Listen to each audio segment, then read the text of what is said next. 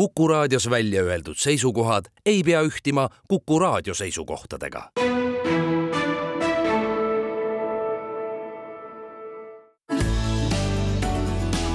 keskpäevatund. huvitav, mitte midagi ei olnud kuulda. mitte midagi ei olnud kuulda. ei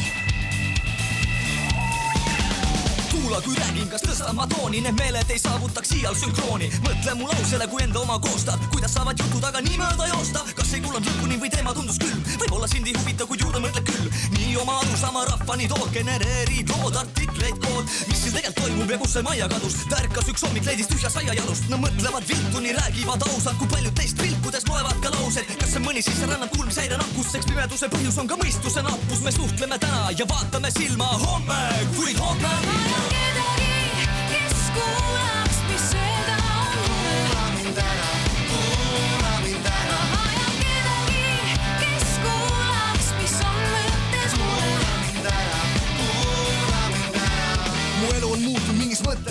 pole muutunud mu mõtted. üks asi on see, mida sa kuuled, teine see, mis räägib iga rida mu huultel. Kuuled ja paned ainult juurde, kõik, mis sa räägid, läheb tegelikult ainult tuulde. oled edev, edev kui puudel, ma pole pede, pole pede ega suutel. kes sodib kooni, kes telekas juurdleb, mul tegelikult pohhui, mu elu on suurem, hinges hip-hop, kümme aastat olin ropp, nüüd vaata, olen popp, siiski tean, kus on koht, ma ei tulnud kritiseerima, millest keegi laulab, mind see ei sega. mul on kaardid laual ning teen siin seda, mida rajan kaua ma vajan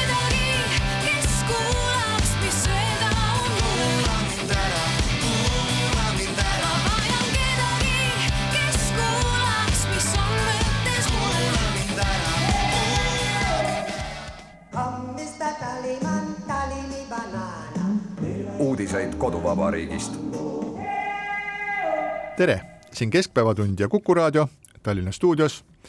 Ainar Ruussaar, Heldur Meerits ja Priit Hõbemägi. tervitame kõiki, kes on üle elanud selle nädala lõpu vapustused, kes on tervena jõudnud rahulikku tsooni ja vaatavad nüüd rõõmsalt suve poole edasi. me kuulasime laulu Põhja-Tallinnalt ja selle laulu pealkiri oli Kuula mind ära ja just niimoodi, kuula mind ära, sellise sooviga pöördus Riigikogu opositsioon Riigikohtu poole ja soovis teada saada, kas valitsuse poolt ja koalitsiooni poolt rakendatud teerullitaktika on õiglane või rikub see põhiseadust. Ja neljapäeval ütles siis Riigikohus oma otsuses, et arupärimiste ja eelnõude üleandmise piiramine oli vajalik, et tagada Riigikogu töövõimet ega rikkunud parma, parlamendi liikmete õigusi ning seega siis ähm, opositsioonierakondade juhid peavad leppima sellega, et neile öeldi, nii võib küll teha ja võib-olla tehakse veel tulevikuski. Ja kuigi selle juures Villu Kõve, Riigikohtu esimees, küll ütles, et, et noh, või andis mõista, et et sellised olukorrad, mis viivad selliste kaebusteni, on pigem, pigem ebanormaalsed. et pigem peaks Riigikogu ise suutma oma kodukorraseadusega leid-, leidma mingisugust lahendust ja et, et mis ühest küljest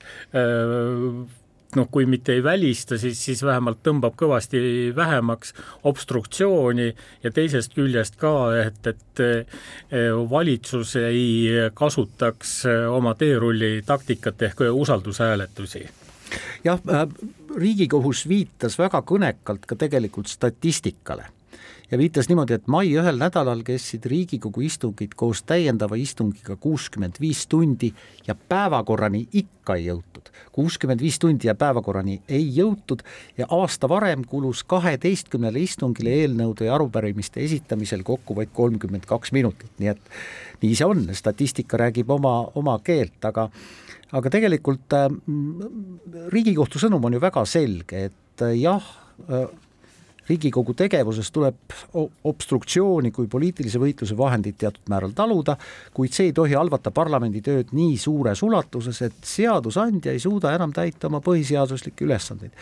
Nii ongi. ja Aga oluline on üks asi veel, et äh, kui mina seda Riigikohtu otsust lugesin, et siis mina panin sellele küll mõttes pealkirja, et äh, pada sõimab katelt, ühed mustad mõlemad ja kui me nüüd otsime see osa, mis sa lugesid siis nii-öelda selle obstruktsiooni korraldamise kohta, mille kohta öeldi jah, et seda, et see on täitsa legaalne värk, et võib teha küll, aga tegelikult ei maksa sellega üle pingutada, et see ei tohi hakata takistama siis äh, Riigikogu põhiseadusliku ülesannete täitmist, aga siis ütleb see otsus veel nii, et äh, ei tohi eelnõusid liiga tihti ka usaldusküsimustega siduda. parlamendi tasalülitamisele viitavad nii piiramatu obstruktsioon kui ka eelnõude liiga sage sidumine usaldusküsimusega, nii et kui kumbki pool kasutab seda siis, seda Riigikohtu otsust siis kas enda puhta pesemiseks, puhtaks pesemiseks või teise poole siis nagu mm, tõrvamiseks, siis tuleb äh, öelda ikkagi selle kohta, mõlemad on teinud midagi, mida nad ei peaks tegema sellisel määral, sellises mahus ja sellise sagedusega. täpselt nii, sest parlamendiliikmed on ka ise öelnud noh, korduvalt oma intervjuudes, et need parlamendiliikmed, kes on kas teises või kolmandas koosseisus on öelnud, et jah, midagi sellist, nad tõepoolest varasematest parlamendi istungitest ei mäleta ja kui me, ma ei tea, võib-olla Priit, sul on midagi teistsugust meeles, aga mina ajakirjanikuna, kes ma olen ikkagi poliitikat ja parlamenti jälginud, noh, midagi nii, nii suurt või nii, nii vastuolulist tõepoolest ka ei mäleta no. Sel... aga no elu, elu ongi nii, et, et läheb muudkui järjest uhkemaks ja paremaks ja tõhusamaks ja, ja no ilmselt siis nagu obstruktsioonid lähevad ka järjest, järjest, järjest võimsamaks. aga no me oleme siin selles jutus nagu räägime ikkagi tagajärgedest, sest et, et noh, mingisugusel hetkel jõudsime punkti millegipärast, et, et kus opositsioon pidas vajalikuks sedavõrd ägedat ja äkilist obstruktsiooni rakendada. Ja see on võib-olla ehk see pigem see võtmeküsimus, mille juures siis peaks mõtlema, et, et mida oleks võinud saa-, teha teisiti. no kas alustaks sellest, et enne valimisi võiks valijatele rääkida seda, mis päriselt nagu kavas on ja mitte jätta see siis nagu ütlemata, äkki see võiks hea alg, algtõuge olla nojah, et, et noh, võib-olla siin on põhjust korraks ka veel nagu selle salga poole vaadata, et et noh, et, et iseenesest ma ei oska näha selle salga tegevuses nüüd nagu väga midagi kriminaalset, sest et on nagu eelmistel valimistel ja üle-eelmistel ja ennegi tehtud küsitlusi, uuringuid et, et sedapuhku nagu lihtsalt nagu salk tundus, et, et on selles võidurelvastuse, relvastumises hästi pika sammu edasi astunud, aga et, et see pigem nagu tekitab hoopis selle küsimuse, et, et kui see nii-öelda kandikul koalitsioonile ette kanti, et, et, et siis sellel koalitsiooni liikmetel endil nagu ei olnud seda võimekust. et, et see sat-, sattus neile nagu mingisuguse kingitusena pihku. nojah, tegelikult noh, tuleb tunnistada, et valitsus on püüdnud vältida sellist tõsist dialoogi ühiskonnas, noh, tegi seda täiesti teadlikult valitsuse juhtpartei Reformierakond enne valimisi ja püüab seda dialoogi tegelikult nüüd noh, vältida või summutada ka, ka pärast valimisi ja mina julgen küll öelda, et Reformierakonnal on nelja aasta pärast enne märtsivalimisi väga keeruline süstida valijatesse usaldust. Et see, millest räägitakse, on valmis lubadus ja see, millest ei räägita, on valitsuspoliitika pärast valimistulemuste selgumist, et et valijal ei ole haugimälu, mina arvan, et valijal ei ole haugimälu. Ja mm, tavaliselt küll siiski on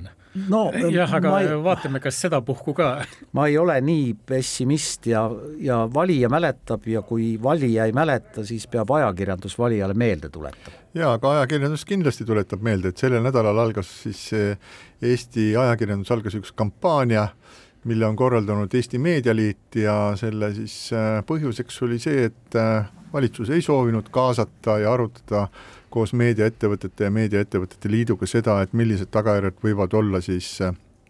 ajakirjanduse käibemaksu tõstmisel,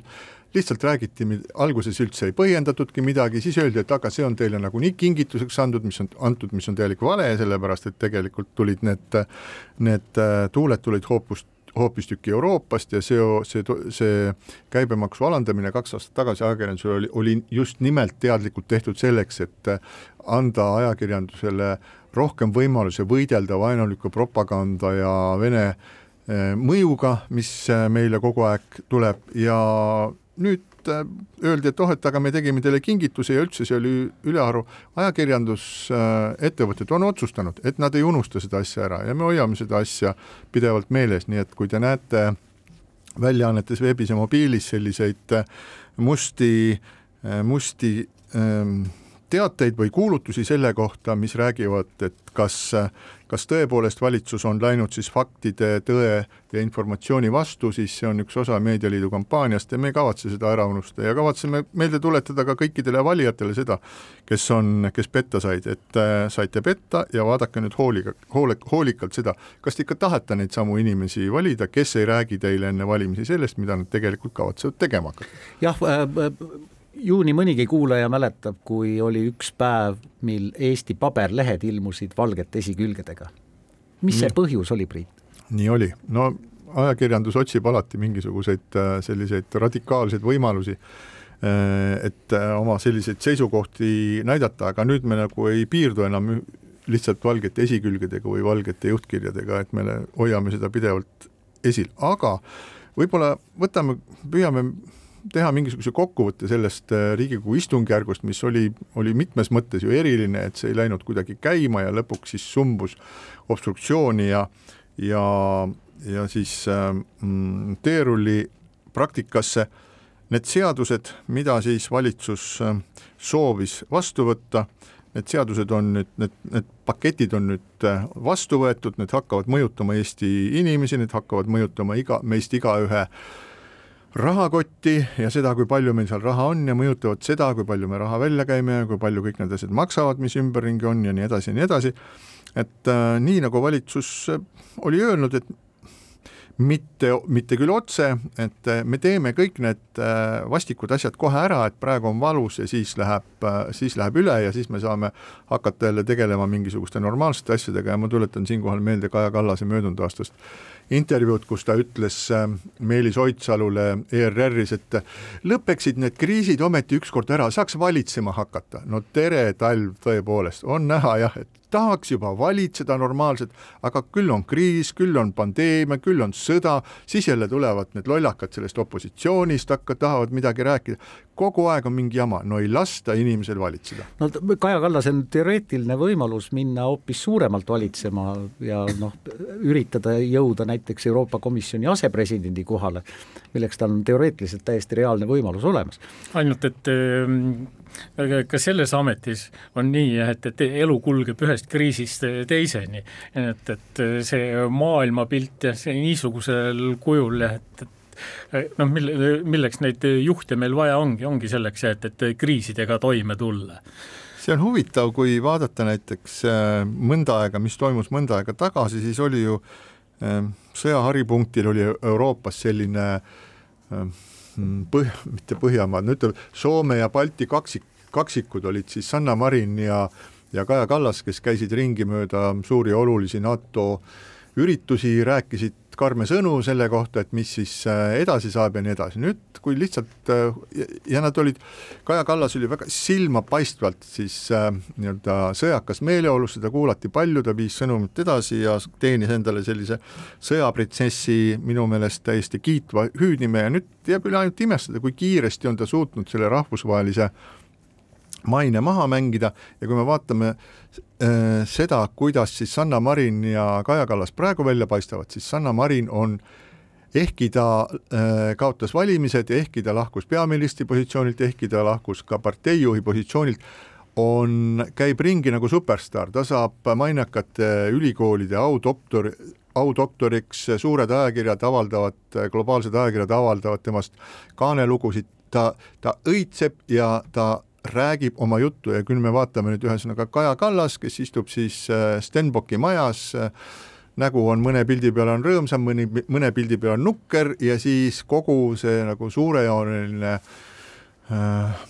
noh, elaan, mis oli nende suurte teemade juures, on kuhtunud selliseks väikseks äh, sisepoliitiliseks jagelemiseks ja võib-olla rahvusvahelises plaanis aeg-ajalt tõuseb tema nimi üles, kui räägitakse mõnest positsioonist, aga tegelikult on ta juba areenilt kadunud. jah, vot ei ole meil, ei ole meil kellelgi psühholoogi pabereid, aga, aga Priit viitab väga selgelt sellele, et umbes aasta tagasi oli tõepoolest olukord, kus väga tihti oli Kaja Kallas Euroopa ja isegi maailma suurte äh, telekanalite uudistes stuudios. Ja nii oli. Ja teda kasutati väga tihti ära. Ja kasutati sellepärast ära, et äh, ilmselt oli ta noh, telegeeniline, ta on telegeeniline ilmselt rääkis ta korralikku juttu, aga nüüd on ta kadunud nendelt teleekraanidelt. no seal vist eh, nende teemade puhul on ju ka mingisugune dünaamika, et et eh, siis eh, oli tema jutus, oli uudisväärtust, et nüüd on see niisuguseks suhteliselt tavaliseks teadmiseks no ja Ukraina muutunud. sõda oli taustaks, jah. ja, ja aga et, et noh, ilmselt igal inimesel on oma tugevamad ja nõrgemad küljed ja, ja nüüd sisepoliitika ei ole Kaja Kallase tugev no, külg, pole jah, kunagi et, olnud. et, et ta küll nagu midagi räägib majandusest jah, aga nagu liiga veenev see ei ole ja, ja noh, niisuguses olukorras, et, et peaks äh, rahandusminister äh, peaministri välja aitama, jah, aga see, mida me Mart Võrklaevalt kuuleme, et, et nagu ka ei ole siiamaale küll kuigi, kuigi veenev olnud, et võib, võib-olla tal on veel midagi midagi salajast varuks, eks no, ja, aga ootame ja vaatame. jah, et äh, jah, Võrklaev, kui, kui partei funktsionär saab ministriks, siis on aru, aru saada, et ta on piisavalt kaua teeninud, ta on kellelegi teed ette kandnud ja saab nüüd ise ka nautida seda, aga see ei tähenda sugugi seda, et ta, inimene on kompetentne mingisuguse asjaga tegelema, nii et noh, meemid lähevad ju ringlusse, eks kõik mäletavad seda, mida Mart Võrklaev ütles ühes intervjuus, ütles, et inimeste kohta, kellel on vanad ja suure kütusekuluga autod, et aga no te müüge see maha, siis ostke endale mingi uus auto, mis vähem kütust kulutab, et et sellised lapsused, aga, aga äh, millised on siis noh, nagu ettevõtja vaatest need, nende seaduste mõjud, mis siis äh, jätame selle abieluvõrdsuse kõrvale, et see ettevõtlust tõenäoliselt ei mõjuta, võib-olla siis äh, abielusõrmuste müüki võib-olla vähesel, vähesel määral, aga kuidas ettevõtjad mõjutavad siis need äh, seadused, mis, mis see Riigikogu lõppenud istungjärk vastu võttis? ja Heldur, mina vaatan ka huviga sinu otsa praegu, et äh, ja kuulaja tahab huviga kuulata, mida ettevõtja ütleb. no ega keegi ju ei ole õnnelik äh, Äh, maksude äh, tõstmise üle, et, et noh, küll tõtt-öelda on nii, et, et et käibemaksu tõstmine ja tulumaksumäära tõstmine, et, et kui sa vaatad, mis see kogumõju on, siis see kogumõju on umbes samasugune nagu selle niinimetatud maksuküüru likvideerimine, ehk et see on tegelikult nullsumma mäng. Ja, ja kui, kui nüüd Äh, keegi valitsusest ütleb, et, et me tõstame makse selleks, et, et kaitsekulusid katta, eks, et siis ma ei tea, mulle nagu paistab, et, et rohkem tõstame selleks, et Reformierakonna maksulubadust äh, äh, täita. et, et see ei, ei tekita küll muljet nagu suurest tarkusest, mis Reformierakonnal kuuldavasti majanduses just nagu olevat. nojah, aga, aga samas Keskpank teeb regulaarselt majandusprognoose ja ka majandustagasivaateid ja ja mm, tegi ka nüüd uue majandusprognoosi, prognoosi, mis ei ole küll süsimust, aga ta ikkagi on pigem sellises tumedas värvis kui heledas toonis no mingi, mingid asjad on, mida saab Eestis mõjutada ja mingid asjad mitte, eks, et et noh, kui käibemaksumäär tõuseb kahekümnelt protsendilt kahekümne kahele, et et siis sul lõppkokkuvõttes on, see mõjutab hindu ühe koma kuuekümne seitsme protsendi ulatuses. no mis siis kahekohaliste inflatsioonimumbrite taustal võiks ju öelda, et, et noh, see nagu väga palju ei ole aga eks ta nagu tege-, tegelikult ikkagi on ka üks eh, kivikene sinna koormasse juurde. no kui me vaatame sügise poole, et eh, kui suvi saab otsa, Riigikogu teatavasti ei puhka, mis tähendab seda, et see on jälle üks selline tore eufemism, et kõik puhkavad, aga siis nad nagu ei puhka ja teevad justkui tööd ja kui kuskil on vaja osta majoneesi või suitsetud kala, siis see läheb kindlasti valijate jaoks ja seda me saame järgmine aasta lugeda siis, kui kui äh, riigikogu liikmed esitavad siis oma kuluaruandeid, aga paratamatult tuleb siis äh, sügis ühel hetkel jälle kätte, Riigikogu alustab taas tööd. Ja kui Riigikogu, mis läks lahku kevadel sellist täielikus nii-öelda abi, abielu lahutuse formaadis äh, vihaselt uksi paugutades ilma mingi kõige vähemagi leppimise märgita, peab nüüd paratamatult tulema sügisel uuesti kokku ja hakkama tööle, sellepärast et põhiseadus paneb Riigikogule ülesande teha seadusi,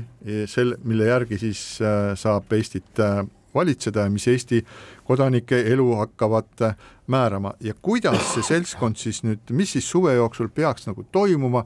et me sügisel ei istuks jälle selles samas, samas olukorras. nüüd Riigikohus on kummalegi öelnud, teie ärge nii palju obstrueerige ja teie ärge samas nii palju usaldushääletage kogu seda asja, aga nagu me elus oleme ju siin korduvalt näinud seda, et ka kohtuotsus võib paljugi panna siis äh, ametnikele ja ka valitud isikutele kohustuseks, aga nad lihtsalt ei võta seda kuulda ja jätkavad endist viisi. nojah, vot mis tegelikult on Riigikogu suur ülesanne ja mida on paljud eel, Riigikogu eelmised koosseisud kuidagi kas edasi lükanud või menetlenud äh, nii-öelda serva pidi, äh, siin on suured valdkonnad, mm, tervishoid esiteks, mis paiguti ilmselt hakkab äh, sattuma kriisi, haridus kindlasti vajab natuke enamat kui lihtsalt äh, öelda, et nüüd läheme eestikeelsele haridusele üle sel, sel kuupäeval ja nii edasi, ja see on kõik, et see ei ole kõik, taustatöö on tegelikult väga paljuski tegemata, me teadvustame, ajakirjandus on sellele korduvalt tähelepanu juhtinud, Haridustöötajate Liit on sellele tähelepanu juhtinud, aga sellega peab ka Riigikogu äh, tegelema, noh julgeolekut ei tohi ka ära unustada, siin on vist kõige lihtsam, sest et selles valdkonnas on Riigikogu opositsioon ja koalitsioon enam-vähem, enam-vähem ühel meelel olnud ja eks neid valdkondi ole, ole, ole teisigi, millega tuleb sügisel tege-, tegelema hakata, nii et tegelikult ma soovitan kõigile Riigikogu liikmetele,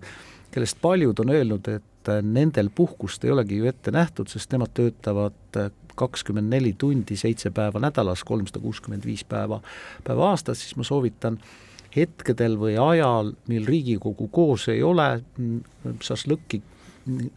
küpsetades või grilli ääres äh, poliitilisi mõtteid mõeldes mõelda ka nendele suurtele olulistele teemadele, millega tuleb nüüd tegelema hakata, päriselt tegelema hakata.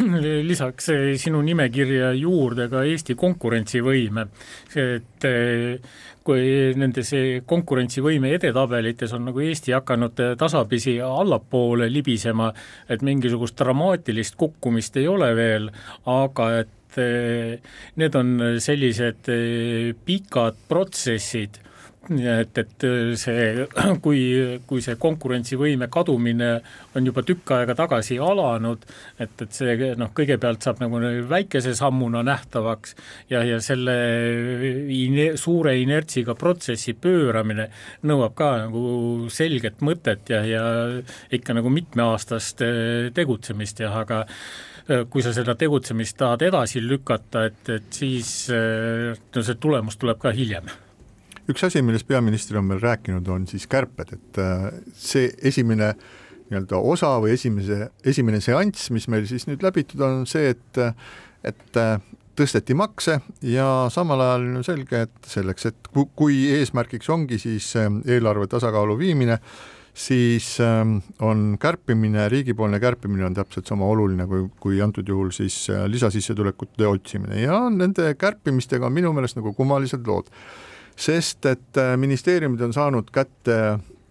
ülesanded äh, kärp, kõigil, kõigil kärpida, noh nagu tavaliselt siis ütlevad kõik, et pole midagi kärpida kuskilt, aga nagu kuulda on, siis ja ka täpseid numbreid ei ole, ei ole avaldatud, et see kärpe eesmärk, mis on siis ministeeriumitele esitatud, on kummaliselt väike, et see on umbes viiskümmend miljonit eurot et see tundub olevat täiesti selline naeruväärne number. Ja võib-olla see võib olla üks põhjuseid, miks ei taheta kärbetest üldse rääkida. kärbetest rääkimine on lükatud jälle nii-öelda valitsuse tasandil, aga küll me sügisel hakkame sel-, sellest rääkima, siis kui meil tuleb äh, riigieelarve strateegia ja me hakkame konkreetselt peale, siis me räägime, minu meelest see on jälle üks selline as-, asjade edasilükkamine, see on oluline asi, mis puudutab meid kõiki, see nädal tõi meile neid teateid väljaannetes, mis ütlevad, et et äh, riigiametnike ja avalike teenistujate palgad ületavad oluliselt siis Eesti keskmist palka, riik on muutunud suurimaks tööandjaks, on tohutu ametnike armee, kelle palgad on suuremad kui erasektoris. Ja kui sealt ei, ja kui tõepoolest, kui kogu selle kupatuse peale siis õnnestub kärpida viiskümmend miljonit, siis on see minu jaoks sarnaneb see sellele muinasjutule äh, kahest Peetrist, suurest Peetrist ja väiksest Peetrist, et kõigepealt suur, ütleb Suur-Peeter ehk valitsus, kõigepealt me sööme tühjaks Väikse Peetri leivakotti, kes on siis äh, valitsus, ettevõtlus ja, ja nii edasi, ja siis, kui me oleme sealt kõik nahka pannud, siis me hakkame vaatama, et mis me minu leivakotist võtame, aga kui Väike Peeter tahab midagi Suure Peetri leivakotist saada, siis öeldakse oot-oot-oot-oot, näpud eemale, näpud eemale. No,, meie ise otsustame. eks siin nagu mingit äh, põhjust äh, muidugi äh, ettevaatuseks valitsusel on, eks, et, et kui Signe Riisalo niimoodi väga ümmarguselt mainis, et et mingisugune potentsiaalne kärpekoht on puuetega lastega seoses, siis rünnati teda kohe, ilma et me täpselt teaksime, et mille, milles see asi on, et, et kas siis tahetakse puuetega lastelt endilt midagi ära võtta või tahetakse seda toetavat protsessi lihtsamaks teha. aga noh, et see on noh, nagu üks asi, eks jah, aga siin noh, kõrval seesama Signe Riisalo äh, katsub varbaga vette, et, et kohe, kas ühiskond nagu võiks alla neelata selle, et, et üle kaheksakümne aastased pensionärid saaksid siis lisapensioni. et see ei ole nüüd mitte kärbe, vaid see tähendaks aastas neljakümmet miljonit äh, lisakulu et see on nagu vastassuunas liikumine ja, ja pigem just eh, Reformierakond on rääkinud sellest, et äh, ei tohiks helikopterilt kõigile raha külvata, seesama lisapensioni mõte on täpselt just eh, selline, sest see peaks asendama puude toetusi muuhulgas ka. nojah, kärpimine ongi väga keeruline ja noh, paljud kuulajad, meie siin ka ilmselt mäletame, et kaks tuhat kaheksa noh, oli ettevõtteid, kus langetati palka töötajatel kakskümmend protsenti ja see oli ikkagi märkimisväärne ja tuntav kärbe. jah, nii on ja siinkohal väike paus. keskpäevatund. keskpäevatund jätkab, Tallinna stuudios Ainar Ruussaar, Heldur Meerits ja Priit Hõbemägi räägime nüüd natukene sellest, millest ma arvan, väga paljud inimesed on rääkinud erinevas kontekstis ja see puudutab seda, et kas kõik need Brüsselist meile saabuvad määrused ja direktiivid, et kas need kõik tulevadki sel-, mõnikord sellistel täiesti jampsikul kujul, mis siis äh, muudavad meie elu selliseks kummaliseks, vahetavad välja elektripirnid, ma ei tea, määravad kurgi pikkust või, või banaani kõverust või mida, mida iganes sellist. et äh, Need ei tule avalikkuse ette, need juhtumid just äh, väga tihti, aga sel nädalal on äh, väga palju kõneainet tekitanud üks, äh,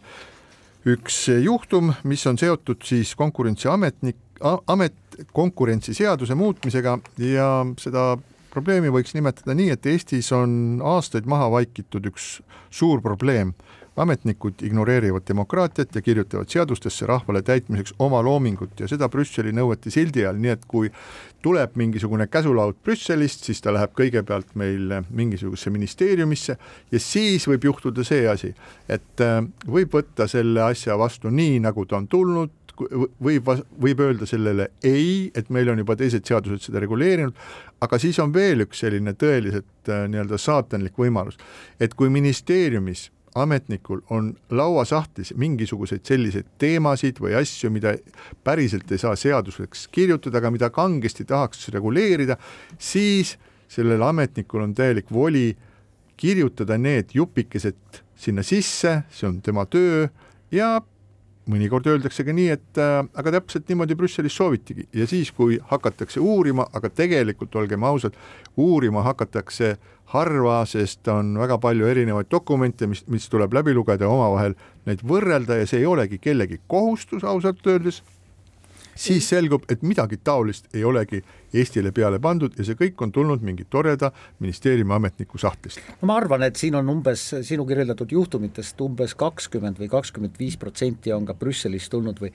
või sealt Euroopa Komisjonist tulnud või Euroopa Liidust tulnud äh, nii-öelda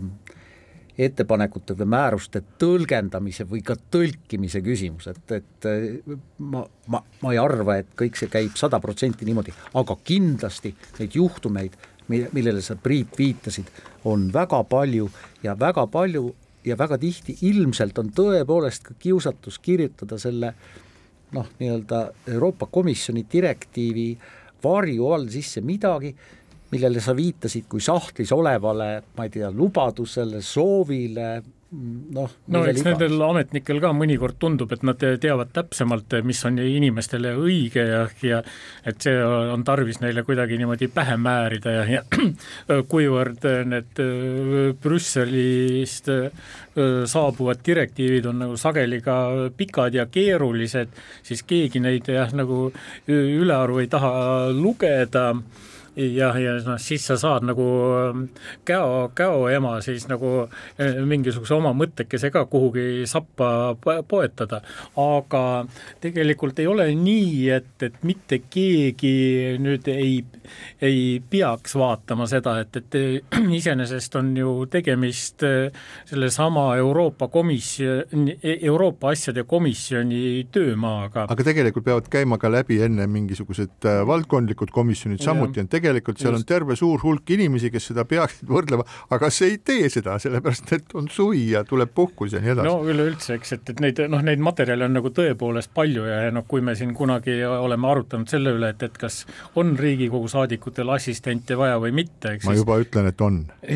väga õige, väga ja, õige. ja on ka Riigikontroll, kes saab alati auditeerida neid asju ja, ja võib-olla ta on teinud viimastel aastatel, mulle, mulle ei meenu, aga tegelikult on see ka Riigikontrolli ülesanne, selliseid asju üles leida või vähemalt korraldada audit ja vaadata, kas asi on tõsine või mitte väga tõsine. ja, ja nüüd see konkreetne juhtum on seotud siis konkurentsiseaduse muudatustega ja Euroopa äh, asjade komisjoni juht Liisa Pakosta siis ütleb selgesõnaliselt välja nii, et Eesti ametnikud on rahvale tohutult ebaseaduslikke lisakohustusi peale pannud ja ta tahab hakata selles asjas siis nii-öelda selgust looma. aga konkreetselt see juhtum puudutab siis ühte ähm, seda ühte seadust, seda konkurentsiseadust, kuhu on siis ministeeriumi ametnikud suutnud sisse sokutada selliseid äh, kummalisi asju, mida siis äh, mm, endine äh, siis Mm, õiguskantsler Allar Jõks nimetab enesesüüstamiseks, et kui äh, Konkurentsiamet kahtlustab mingisugust ettevõtjat, äh, tal on ettevõtja kohta kahtlustused, ta esitab siis äh, oma kahtlustuse ja siis peab seesama ettevõtja esitama selle seaduseelnõu kohaselt teda ennast süüdi tunnistavad dokumendid ja kui siis ametnik otsustab Konkurentsiametis, et neid dokumente pole piisavalt, siis ta võib teha sellele ettevõttele määratud haldustrahvi kuni kümne protsendi ulatuses selle käibest, aga see on ju, see ei tundu olevat üldse selline vabaturumajandus, vaid pigem mingisugune selline riigikapitalismi või sotsialismi taoline moodustus. no see nagu lõhnab rohkem nagu sellise stalinismi järgi, et, et Stalin ka mingi, millegipärast arvas, et, et mida rohkem nagu sotsialism edeneb, seda ägedamaks klassivõitlus läheb ja, ja noh, järelikult oli tarvis järjest rohkem äh, neid äh, vaenlasi leida. ja, ja kui, kui nüüd konkurentsi Terviseamet eh, teile, Ainar ja Priit jah, nagu ütleb, et, et leidke, leidke need eh, dokumendid, mille järgi te olete süüdi mingisuguse konkurentsireegli rikkumises ja, ja kui te neid ei leia, noh siis te saate trahvi, kuniks te nagu lõpuks leiate need dokumendid. et, noh, kõlab jaburalt, et õigusteadus võib ju näha kõrvalt välja noh, nagu lihtsalt mingisugust tekste täis raamatut, aga mõnes mõttes saaks õigusteadust võrrelda ka matemaatikaga, kus on ka omad aksioomid ja teoreemid ja põhimõtted. Ja no üks nendest põhimõtetest, millele Allar Jõks ka viitab, on see, et, et et sa ei saa nõuda inimeselt, et, et ta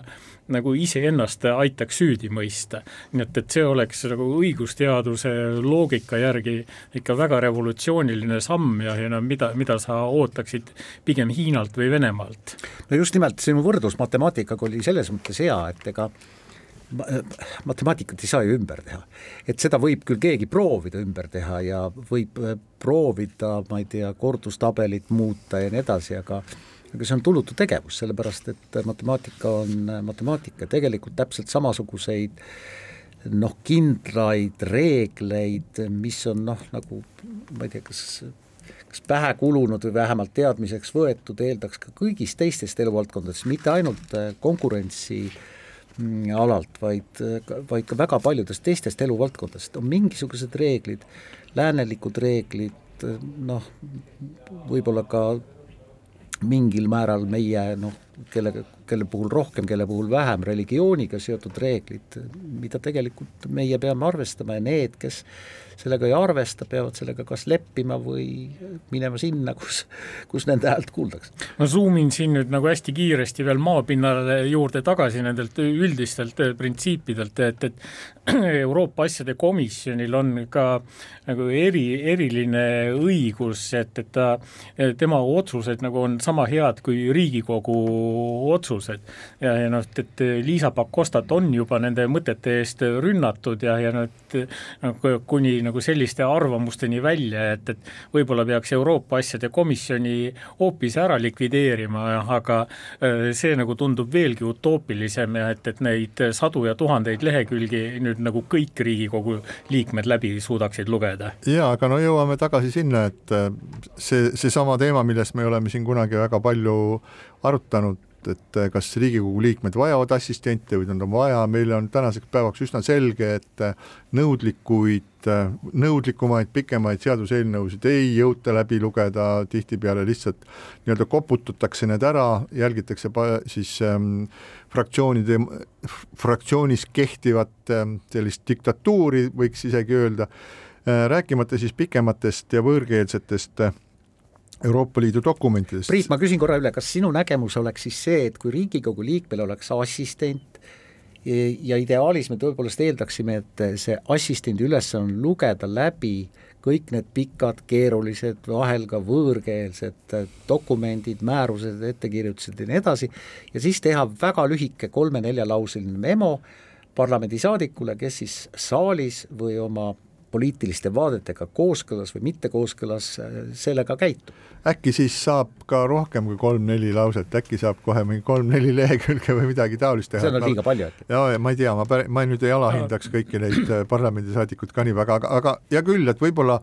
ma saan aru, et sa ei taha, et igalühel on, aga võib-olla, et siis on selline spetsiifiline, fraktsioonil on mingisugune suur, mingi teatud hulk inimesi, kes noh, on suutelised äh, konsulteerima, aga see oleks ka hädavajalik ja siinkohal väike paus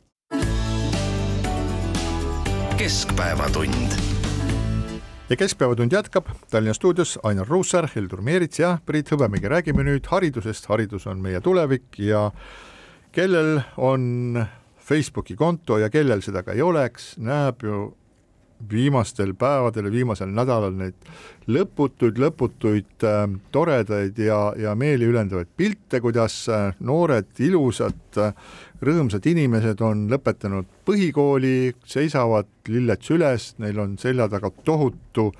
pingutus, noh, üks, äh, kui keegi tahab aru saada, et milline see, see üüberpingutus siis on, siis on Äh, luuletaja Kristiina Ehind kirjutanud oma isiklikest kogemustest väga huvitava kolumni sel teemal, kuidas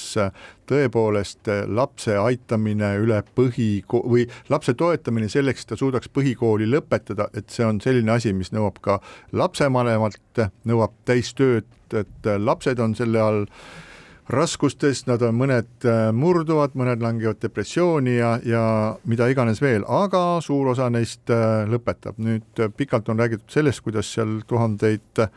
tuhandeid õpilasi siiski ei suutnud selle viimase matemaatikaeksamiga hakkama saada, vaatasin siis ise ka neid ülesandeid, mõne puhul oli selline noh, ütleme selline loogikaülesanne, tuli natukene nuputada selle kallal, aga siis ma sain ka aru, et mõned väga olulised valemid ma olen ära unustanud ja ma ei saanud päris täpselt aru, kuhu ma selle PR-ruudu siis pistma peaksin, et saada seda õiget tulemust, aga aga noh, siiski noh, et sa ilmselt ka nagu nägid, et, et tegemist ei olnud mingisuguste eriliselt keeruliste ülesannetega, et, et tegelikult noh, niisuguse väikse keskendumise ja kui sul on midagi tundidest ka külge jäänud, et siis nagu oleks võinud ju nende ülesannetega küll hakkama saada ja see panebki imestama, et, et mis siis nagu õigupoolest lahti on, et, et noh, peaaegu nagu kolmandik ei, ei saa, ei neljandik oli. neljandik jah, et, et ei saanud nende ülesannetega hakkama. nojah, vot äh, väga paljud, kes on seda analüüsinud äh,, Tartu Ülikool näiteks, aga ka mitmed äh, haridustöötajate liit näiteks, aga ka mitmed koolid ise on öelnud, et et äh, kuidas siis lahendada reaalainete õpetajate puudust, et õpetajaid on vähe, neid on tõepoolest puudus, loed vasakult paremale ja paremalt vasakule, reaalainete õpetajatest on kõige rohkem puudus. kuidas siis motiveerida inimesi neid andma, noh üks võimalus, mida paljud koolid on ka kasutanud, on see, et et palgatakse reaalaineid äh, andvateks õpetajateks inimesed, kes on osakoormusega, ehk siis kelle põhitöö on kusagil mujal, aga kes on testitud, kes vähemalt põhikooli äh, kursuste vältel on võimelised andma matemaatikat või, või, või füüsikat või, või keemiat. aga see on, see on mingisugune lahendus, aga see on poolik lahendus ja poolik lahendus sellepärast, et äh, noh, ideaalses maailmas, ideaalses äh, haridussüsteemis on õpetaja ikkagi täiskohaga õpetaja ja pühendunud eelkõige oma koolile ja oma ainele. ja tal peaks olema magistrikraad ideaalses maailmas ja ta peaks rääkima korralikku eesti keelt. aga vot selleni ei ole me jõudnud ja ilmselt äh, noh, kahjuks lähematel aastatel ka ei jõua. no nagu jah, ühes äh, väikeste lõõtspillide ühingu laulus öeldi, et võttis voorimehe, sest parimaid oli vähe ja, ja ma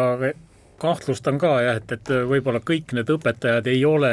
nüüd nagu nii, nii head õpetajad, kui, kui võiks olla, noh, et eriti peab siin silmas pidama seda, et et kui sa oled hea matemaatik, siis see ei tähenda veel automaatselt, et sa oled hea matemaatikaõpetaja, sest mitte, õpetamine on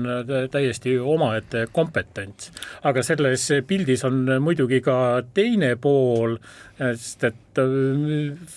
mitmedki vanad ja kogenud õpetajad ütlevad, et, et, et nagu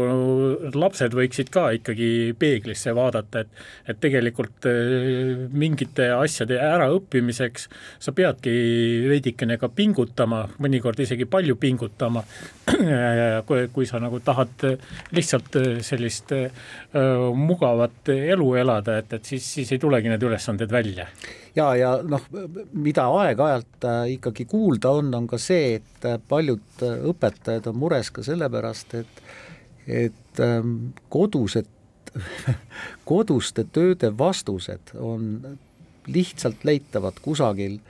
neid on võimalik plagieerida, ehk siis tegelikult õpetajad on ka reaalainete õpetajad, aga mitte ainult õpetajad on väga palju mures ka sellepärast, et kuidas õpilased äh, rakendada nii, et sealt tuleks välja nende oma loovus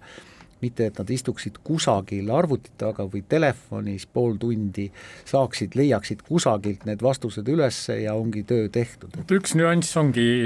selles see on probleem tegelikult. ja, ja, et üks nüanss ongi meil äh, hariduse juures see, et, et väga palju usutakse, et, et ma saan kõike guugeldada ja, ja milleks mulle siis õppida jah, aga need nähtuste vahelisi seoseid, neid, neid sa nagu guugeldades ikkagi selgeks ei saa. siis tuleb neid chat GPT-d kasutada. see on, see juba loob ka mingisugused äh, seosed, kuigi mitte tihtipeale võivad need seosed olla täiesti meelevaldsed ja sellised hallutsinatoorsed, aga seda äh, on ju seda küsimust on ju esitatud juba pikka aega, et, et milline mõju on siis pandeemia aegsel sellele Zoomi koolile laste vingerdamisel nende ekraanide ees ja, ja tundus, et see, see tõehetk jõudiski kätte just nüüd, et äh, tuleb silmas pidada seda, et ühiskondlikud protsessid äh, toimivad kõik inertsiga, nad ei ole nii, et midagi lõpeb ära ja järgmine hetk on tagajärg käes, et seal läheb vahepeal aega.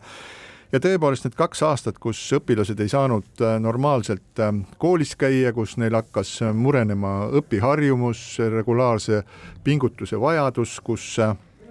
selle tõttu omakorda siis äh,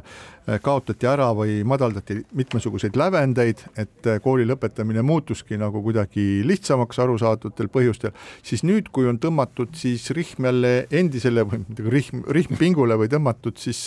latt endisele kõrgusele tagasi, siis nüüd tuleb välja, et see inerts siiski Äh, inerts on olemas ja paljud jooksevad vastu seda latti, nii et siin ei ole nagu selles mõttes midagi parata, et see on lihtsalt üks ühiskondlik protsess. minu meelest võiks olla nii, et ka ühiskond äh, siis nii-öelda haridusministeeriumi tasandil näiteks suudab ette aimata, milliseid selliseid protsesse toimuvad, millised inertsid äh, üleüldse ühiskonnas on, et no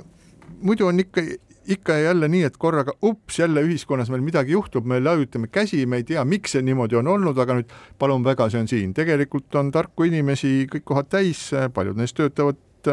töötavad riigiametites, et nendele asjadele tuleb ette mõelda, need ei tohiks olla üllatused selles mõttes. jah, noh, sinu poolt viidatud pandeemia esimese nii-öelda lukustamise ajal töötasin ka mina õpetajana ja see on ikkagi katastroof, ma ütlen ausalt, see on katastroof haridusele, see on katastroof õpetaja ja õpilaste vahelisele suhe, suhtlemisele, kui ei saa silma vaadata, kui ei saa klassiruumis olla ja kui ei saa, ma ei tea, suure vahetunni ajal mõne õpilasega lihtsalt rääkida. see pani, see jättis oma jälje ja sellest tuleb nüüd hakata vaikselt äh, kuidagi välja tulema. et äh, on ju küsitud, et, et mida me siis sellest pandeemia ajast oleme õppinud nagu kõigi, kõigil rinnetel ja, ja haridus on nagu ilmselt üks, üks olulisematest ja et, et sest et ega me ei tea, mis see tulevik toob, mitte, mitte nüüd üksnes ainult nakkushaiguste osas, vaid et mingi ahvatlus kaugtööks ja kaugelt õppimiseks, et see ka jääb ja, ja ma loodan, et, et nüüd sellest pandeemia ajast suudetakse lihtsalt see maksimaalne teadmine ja kasulik välja võtta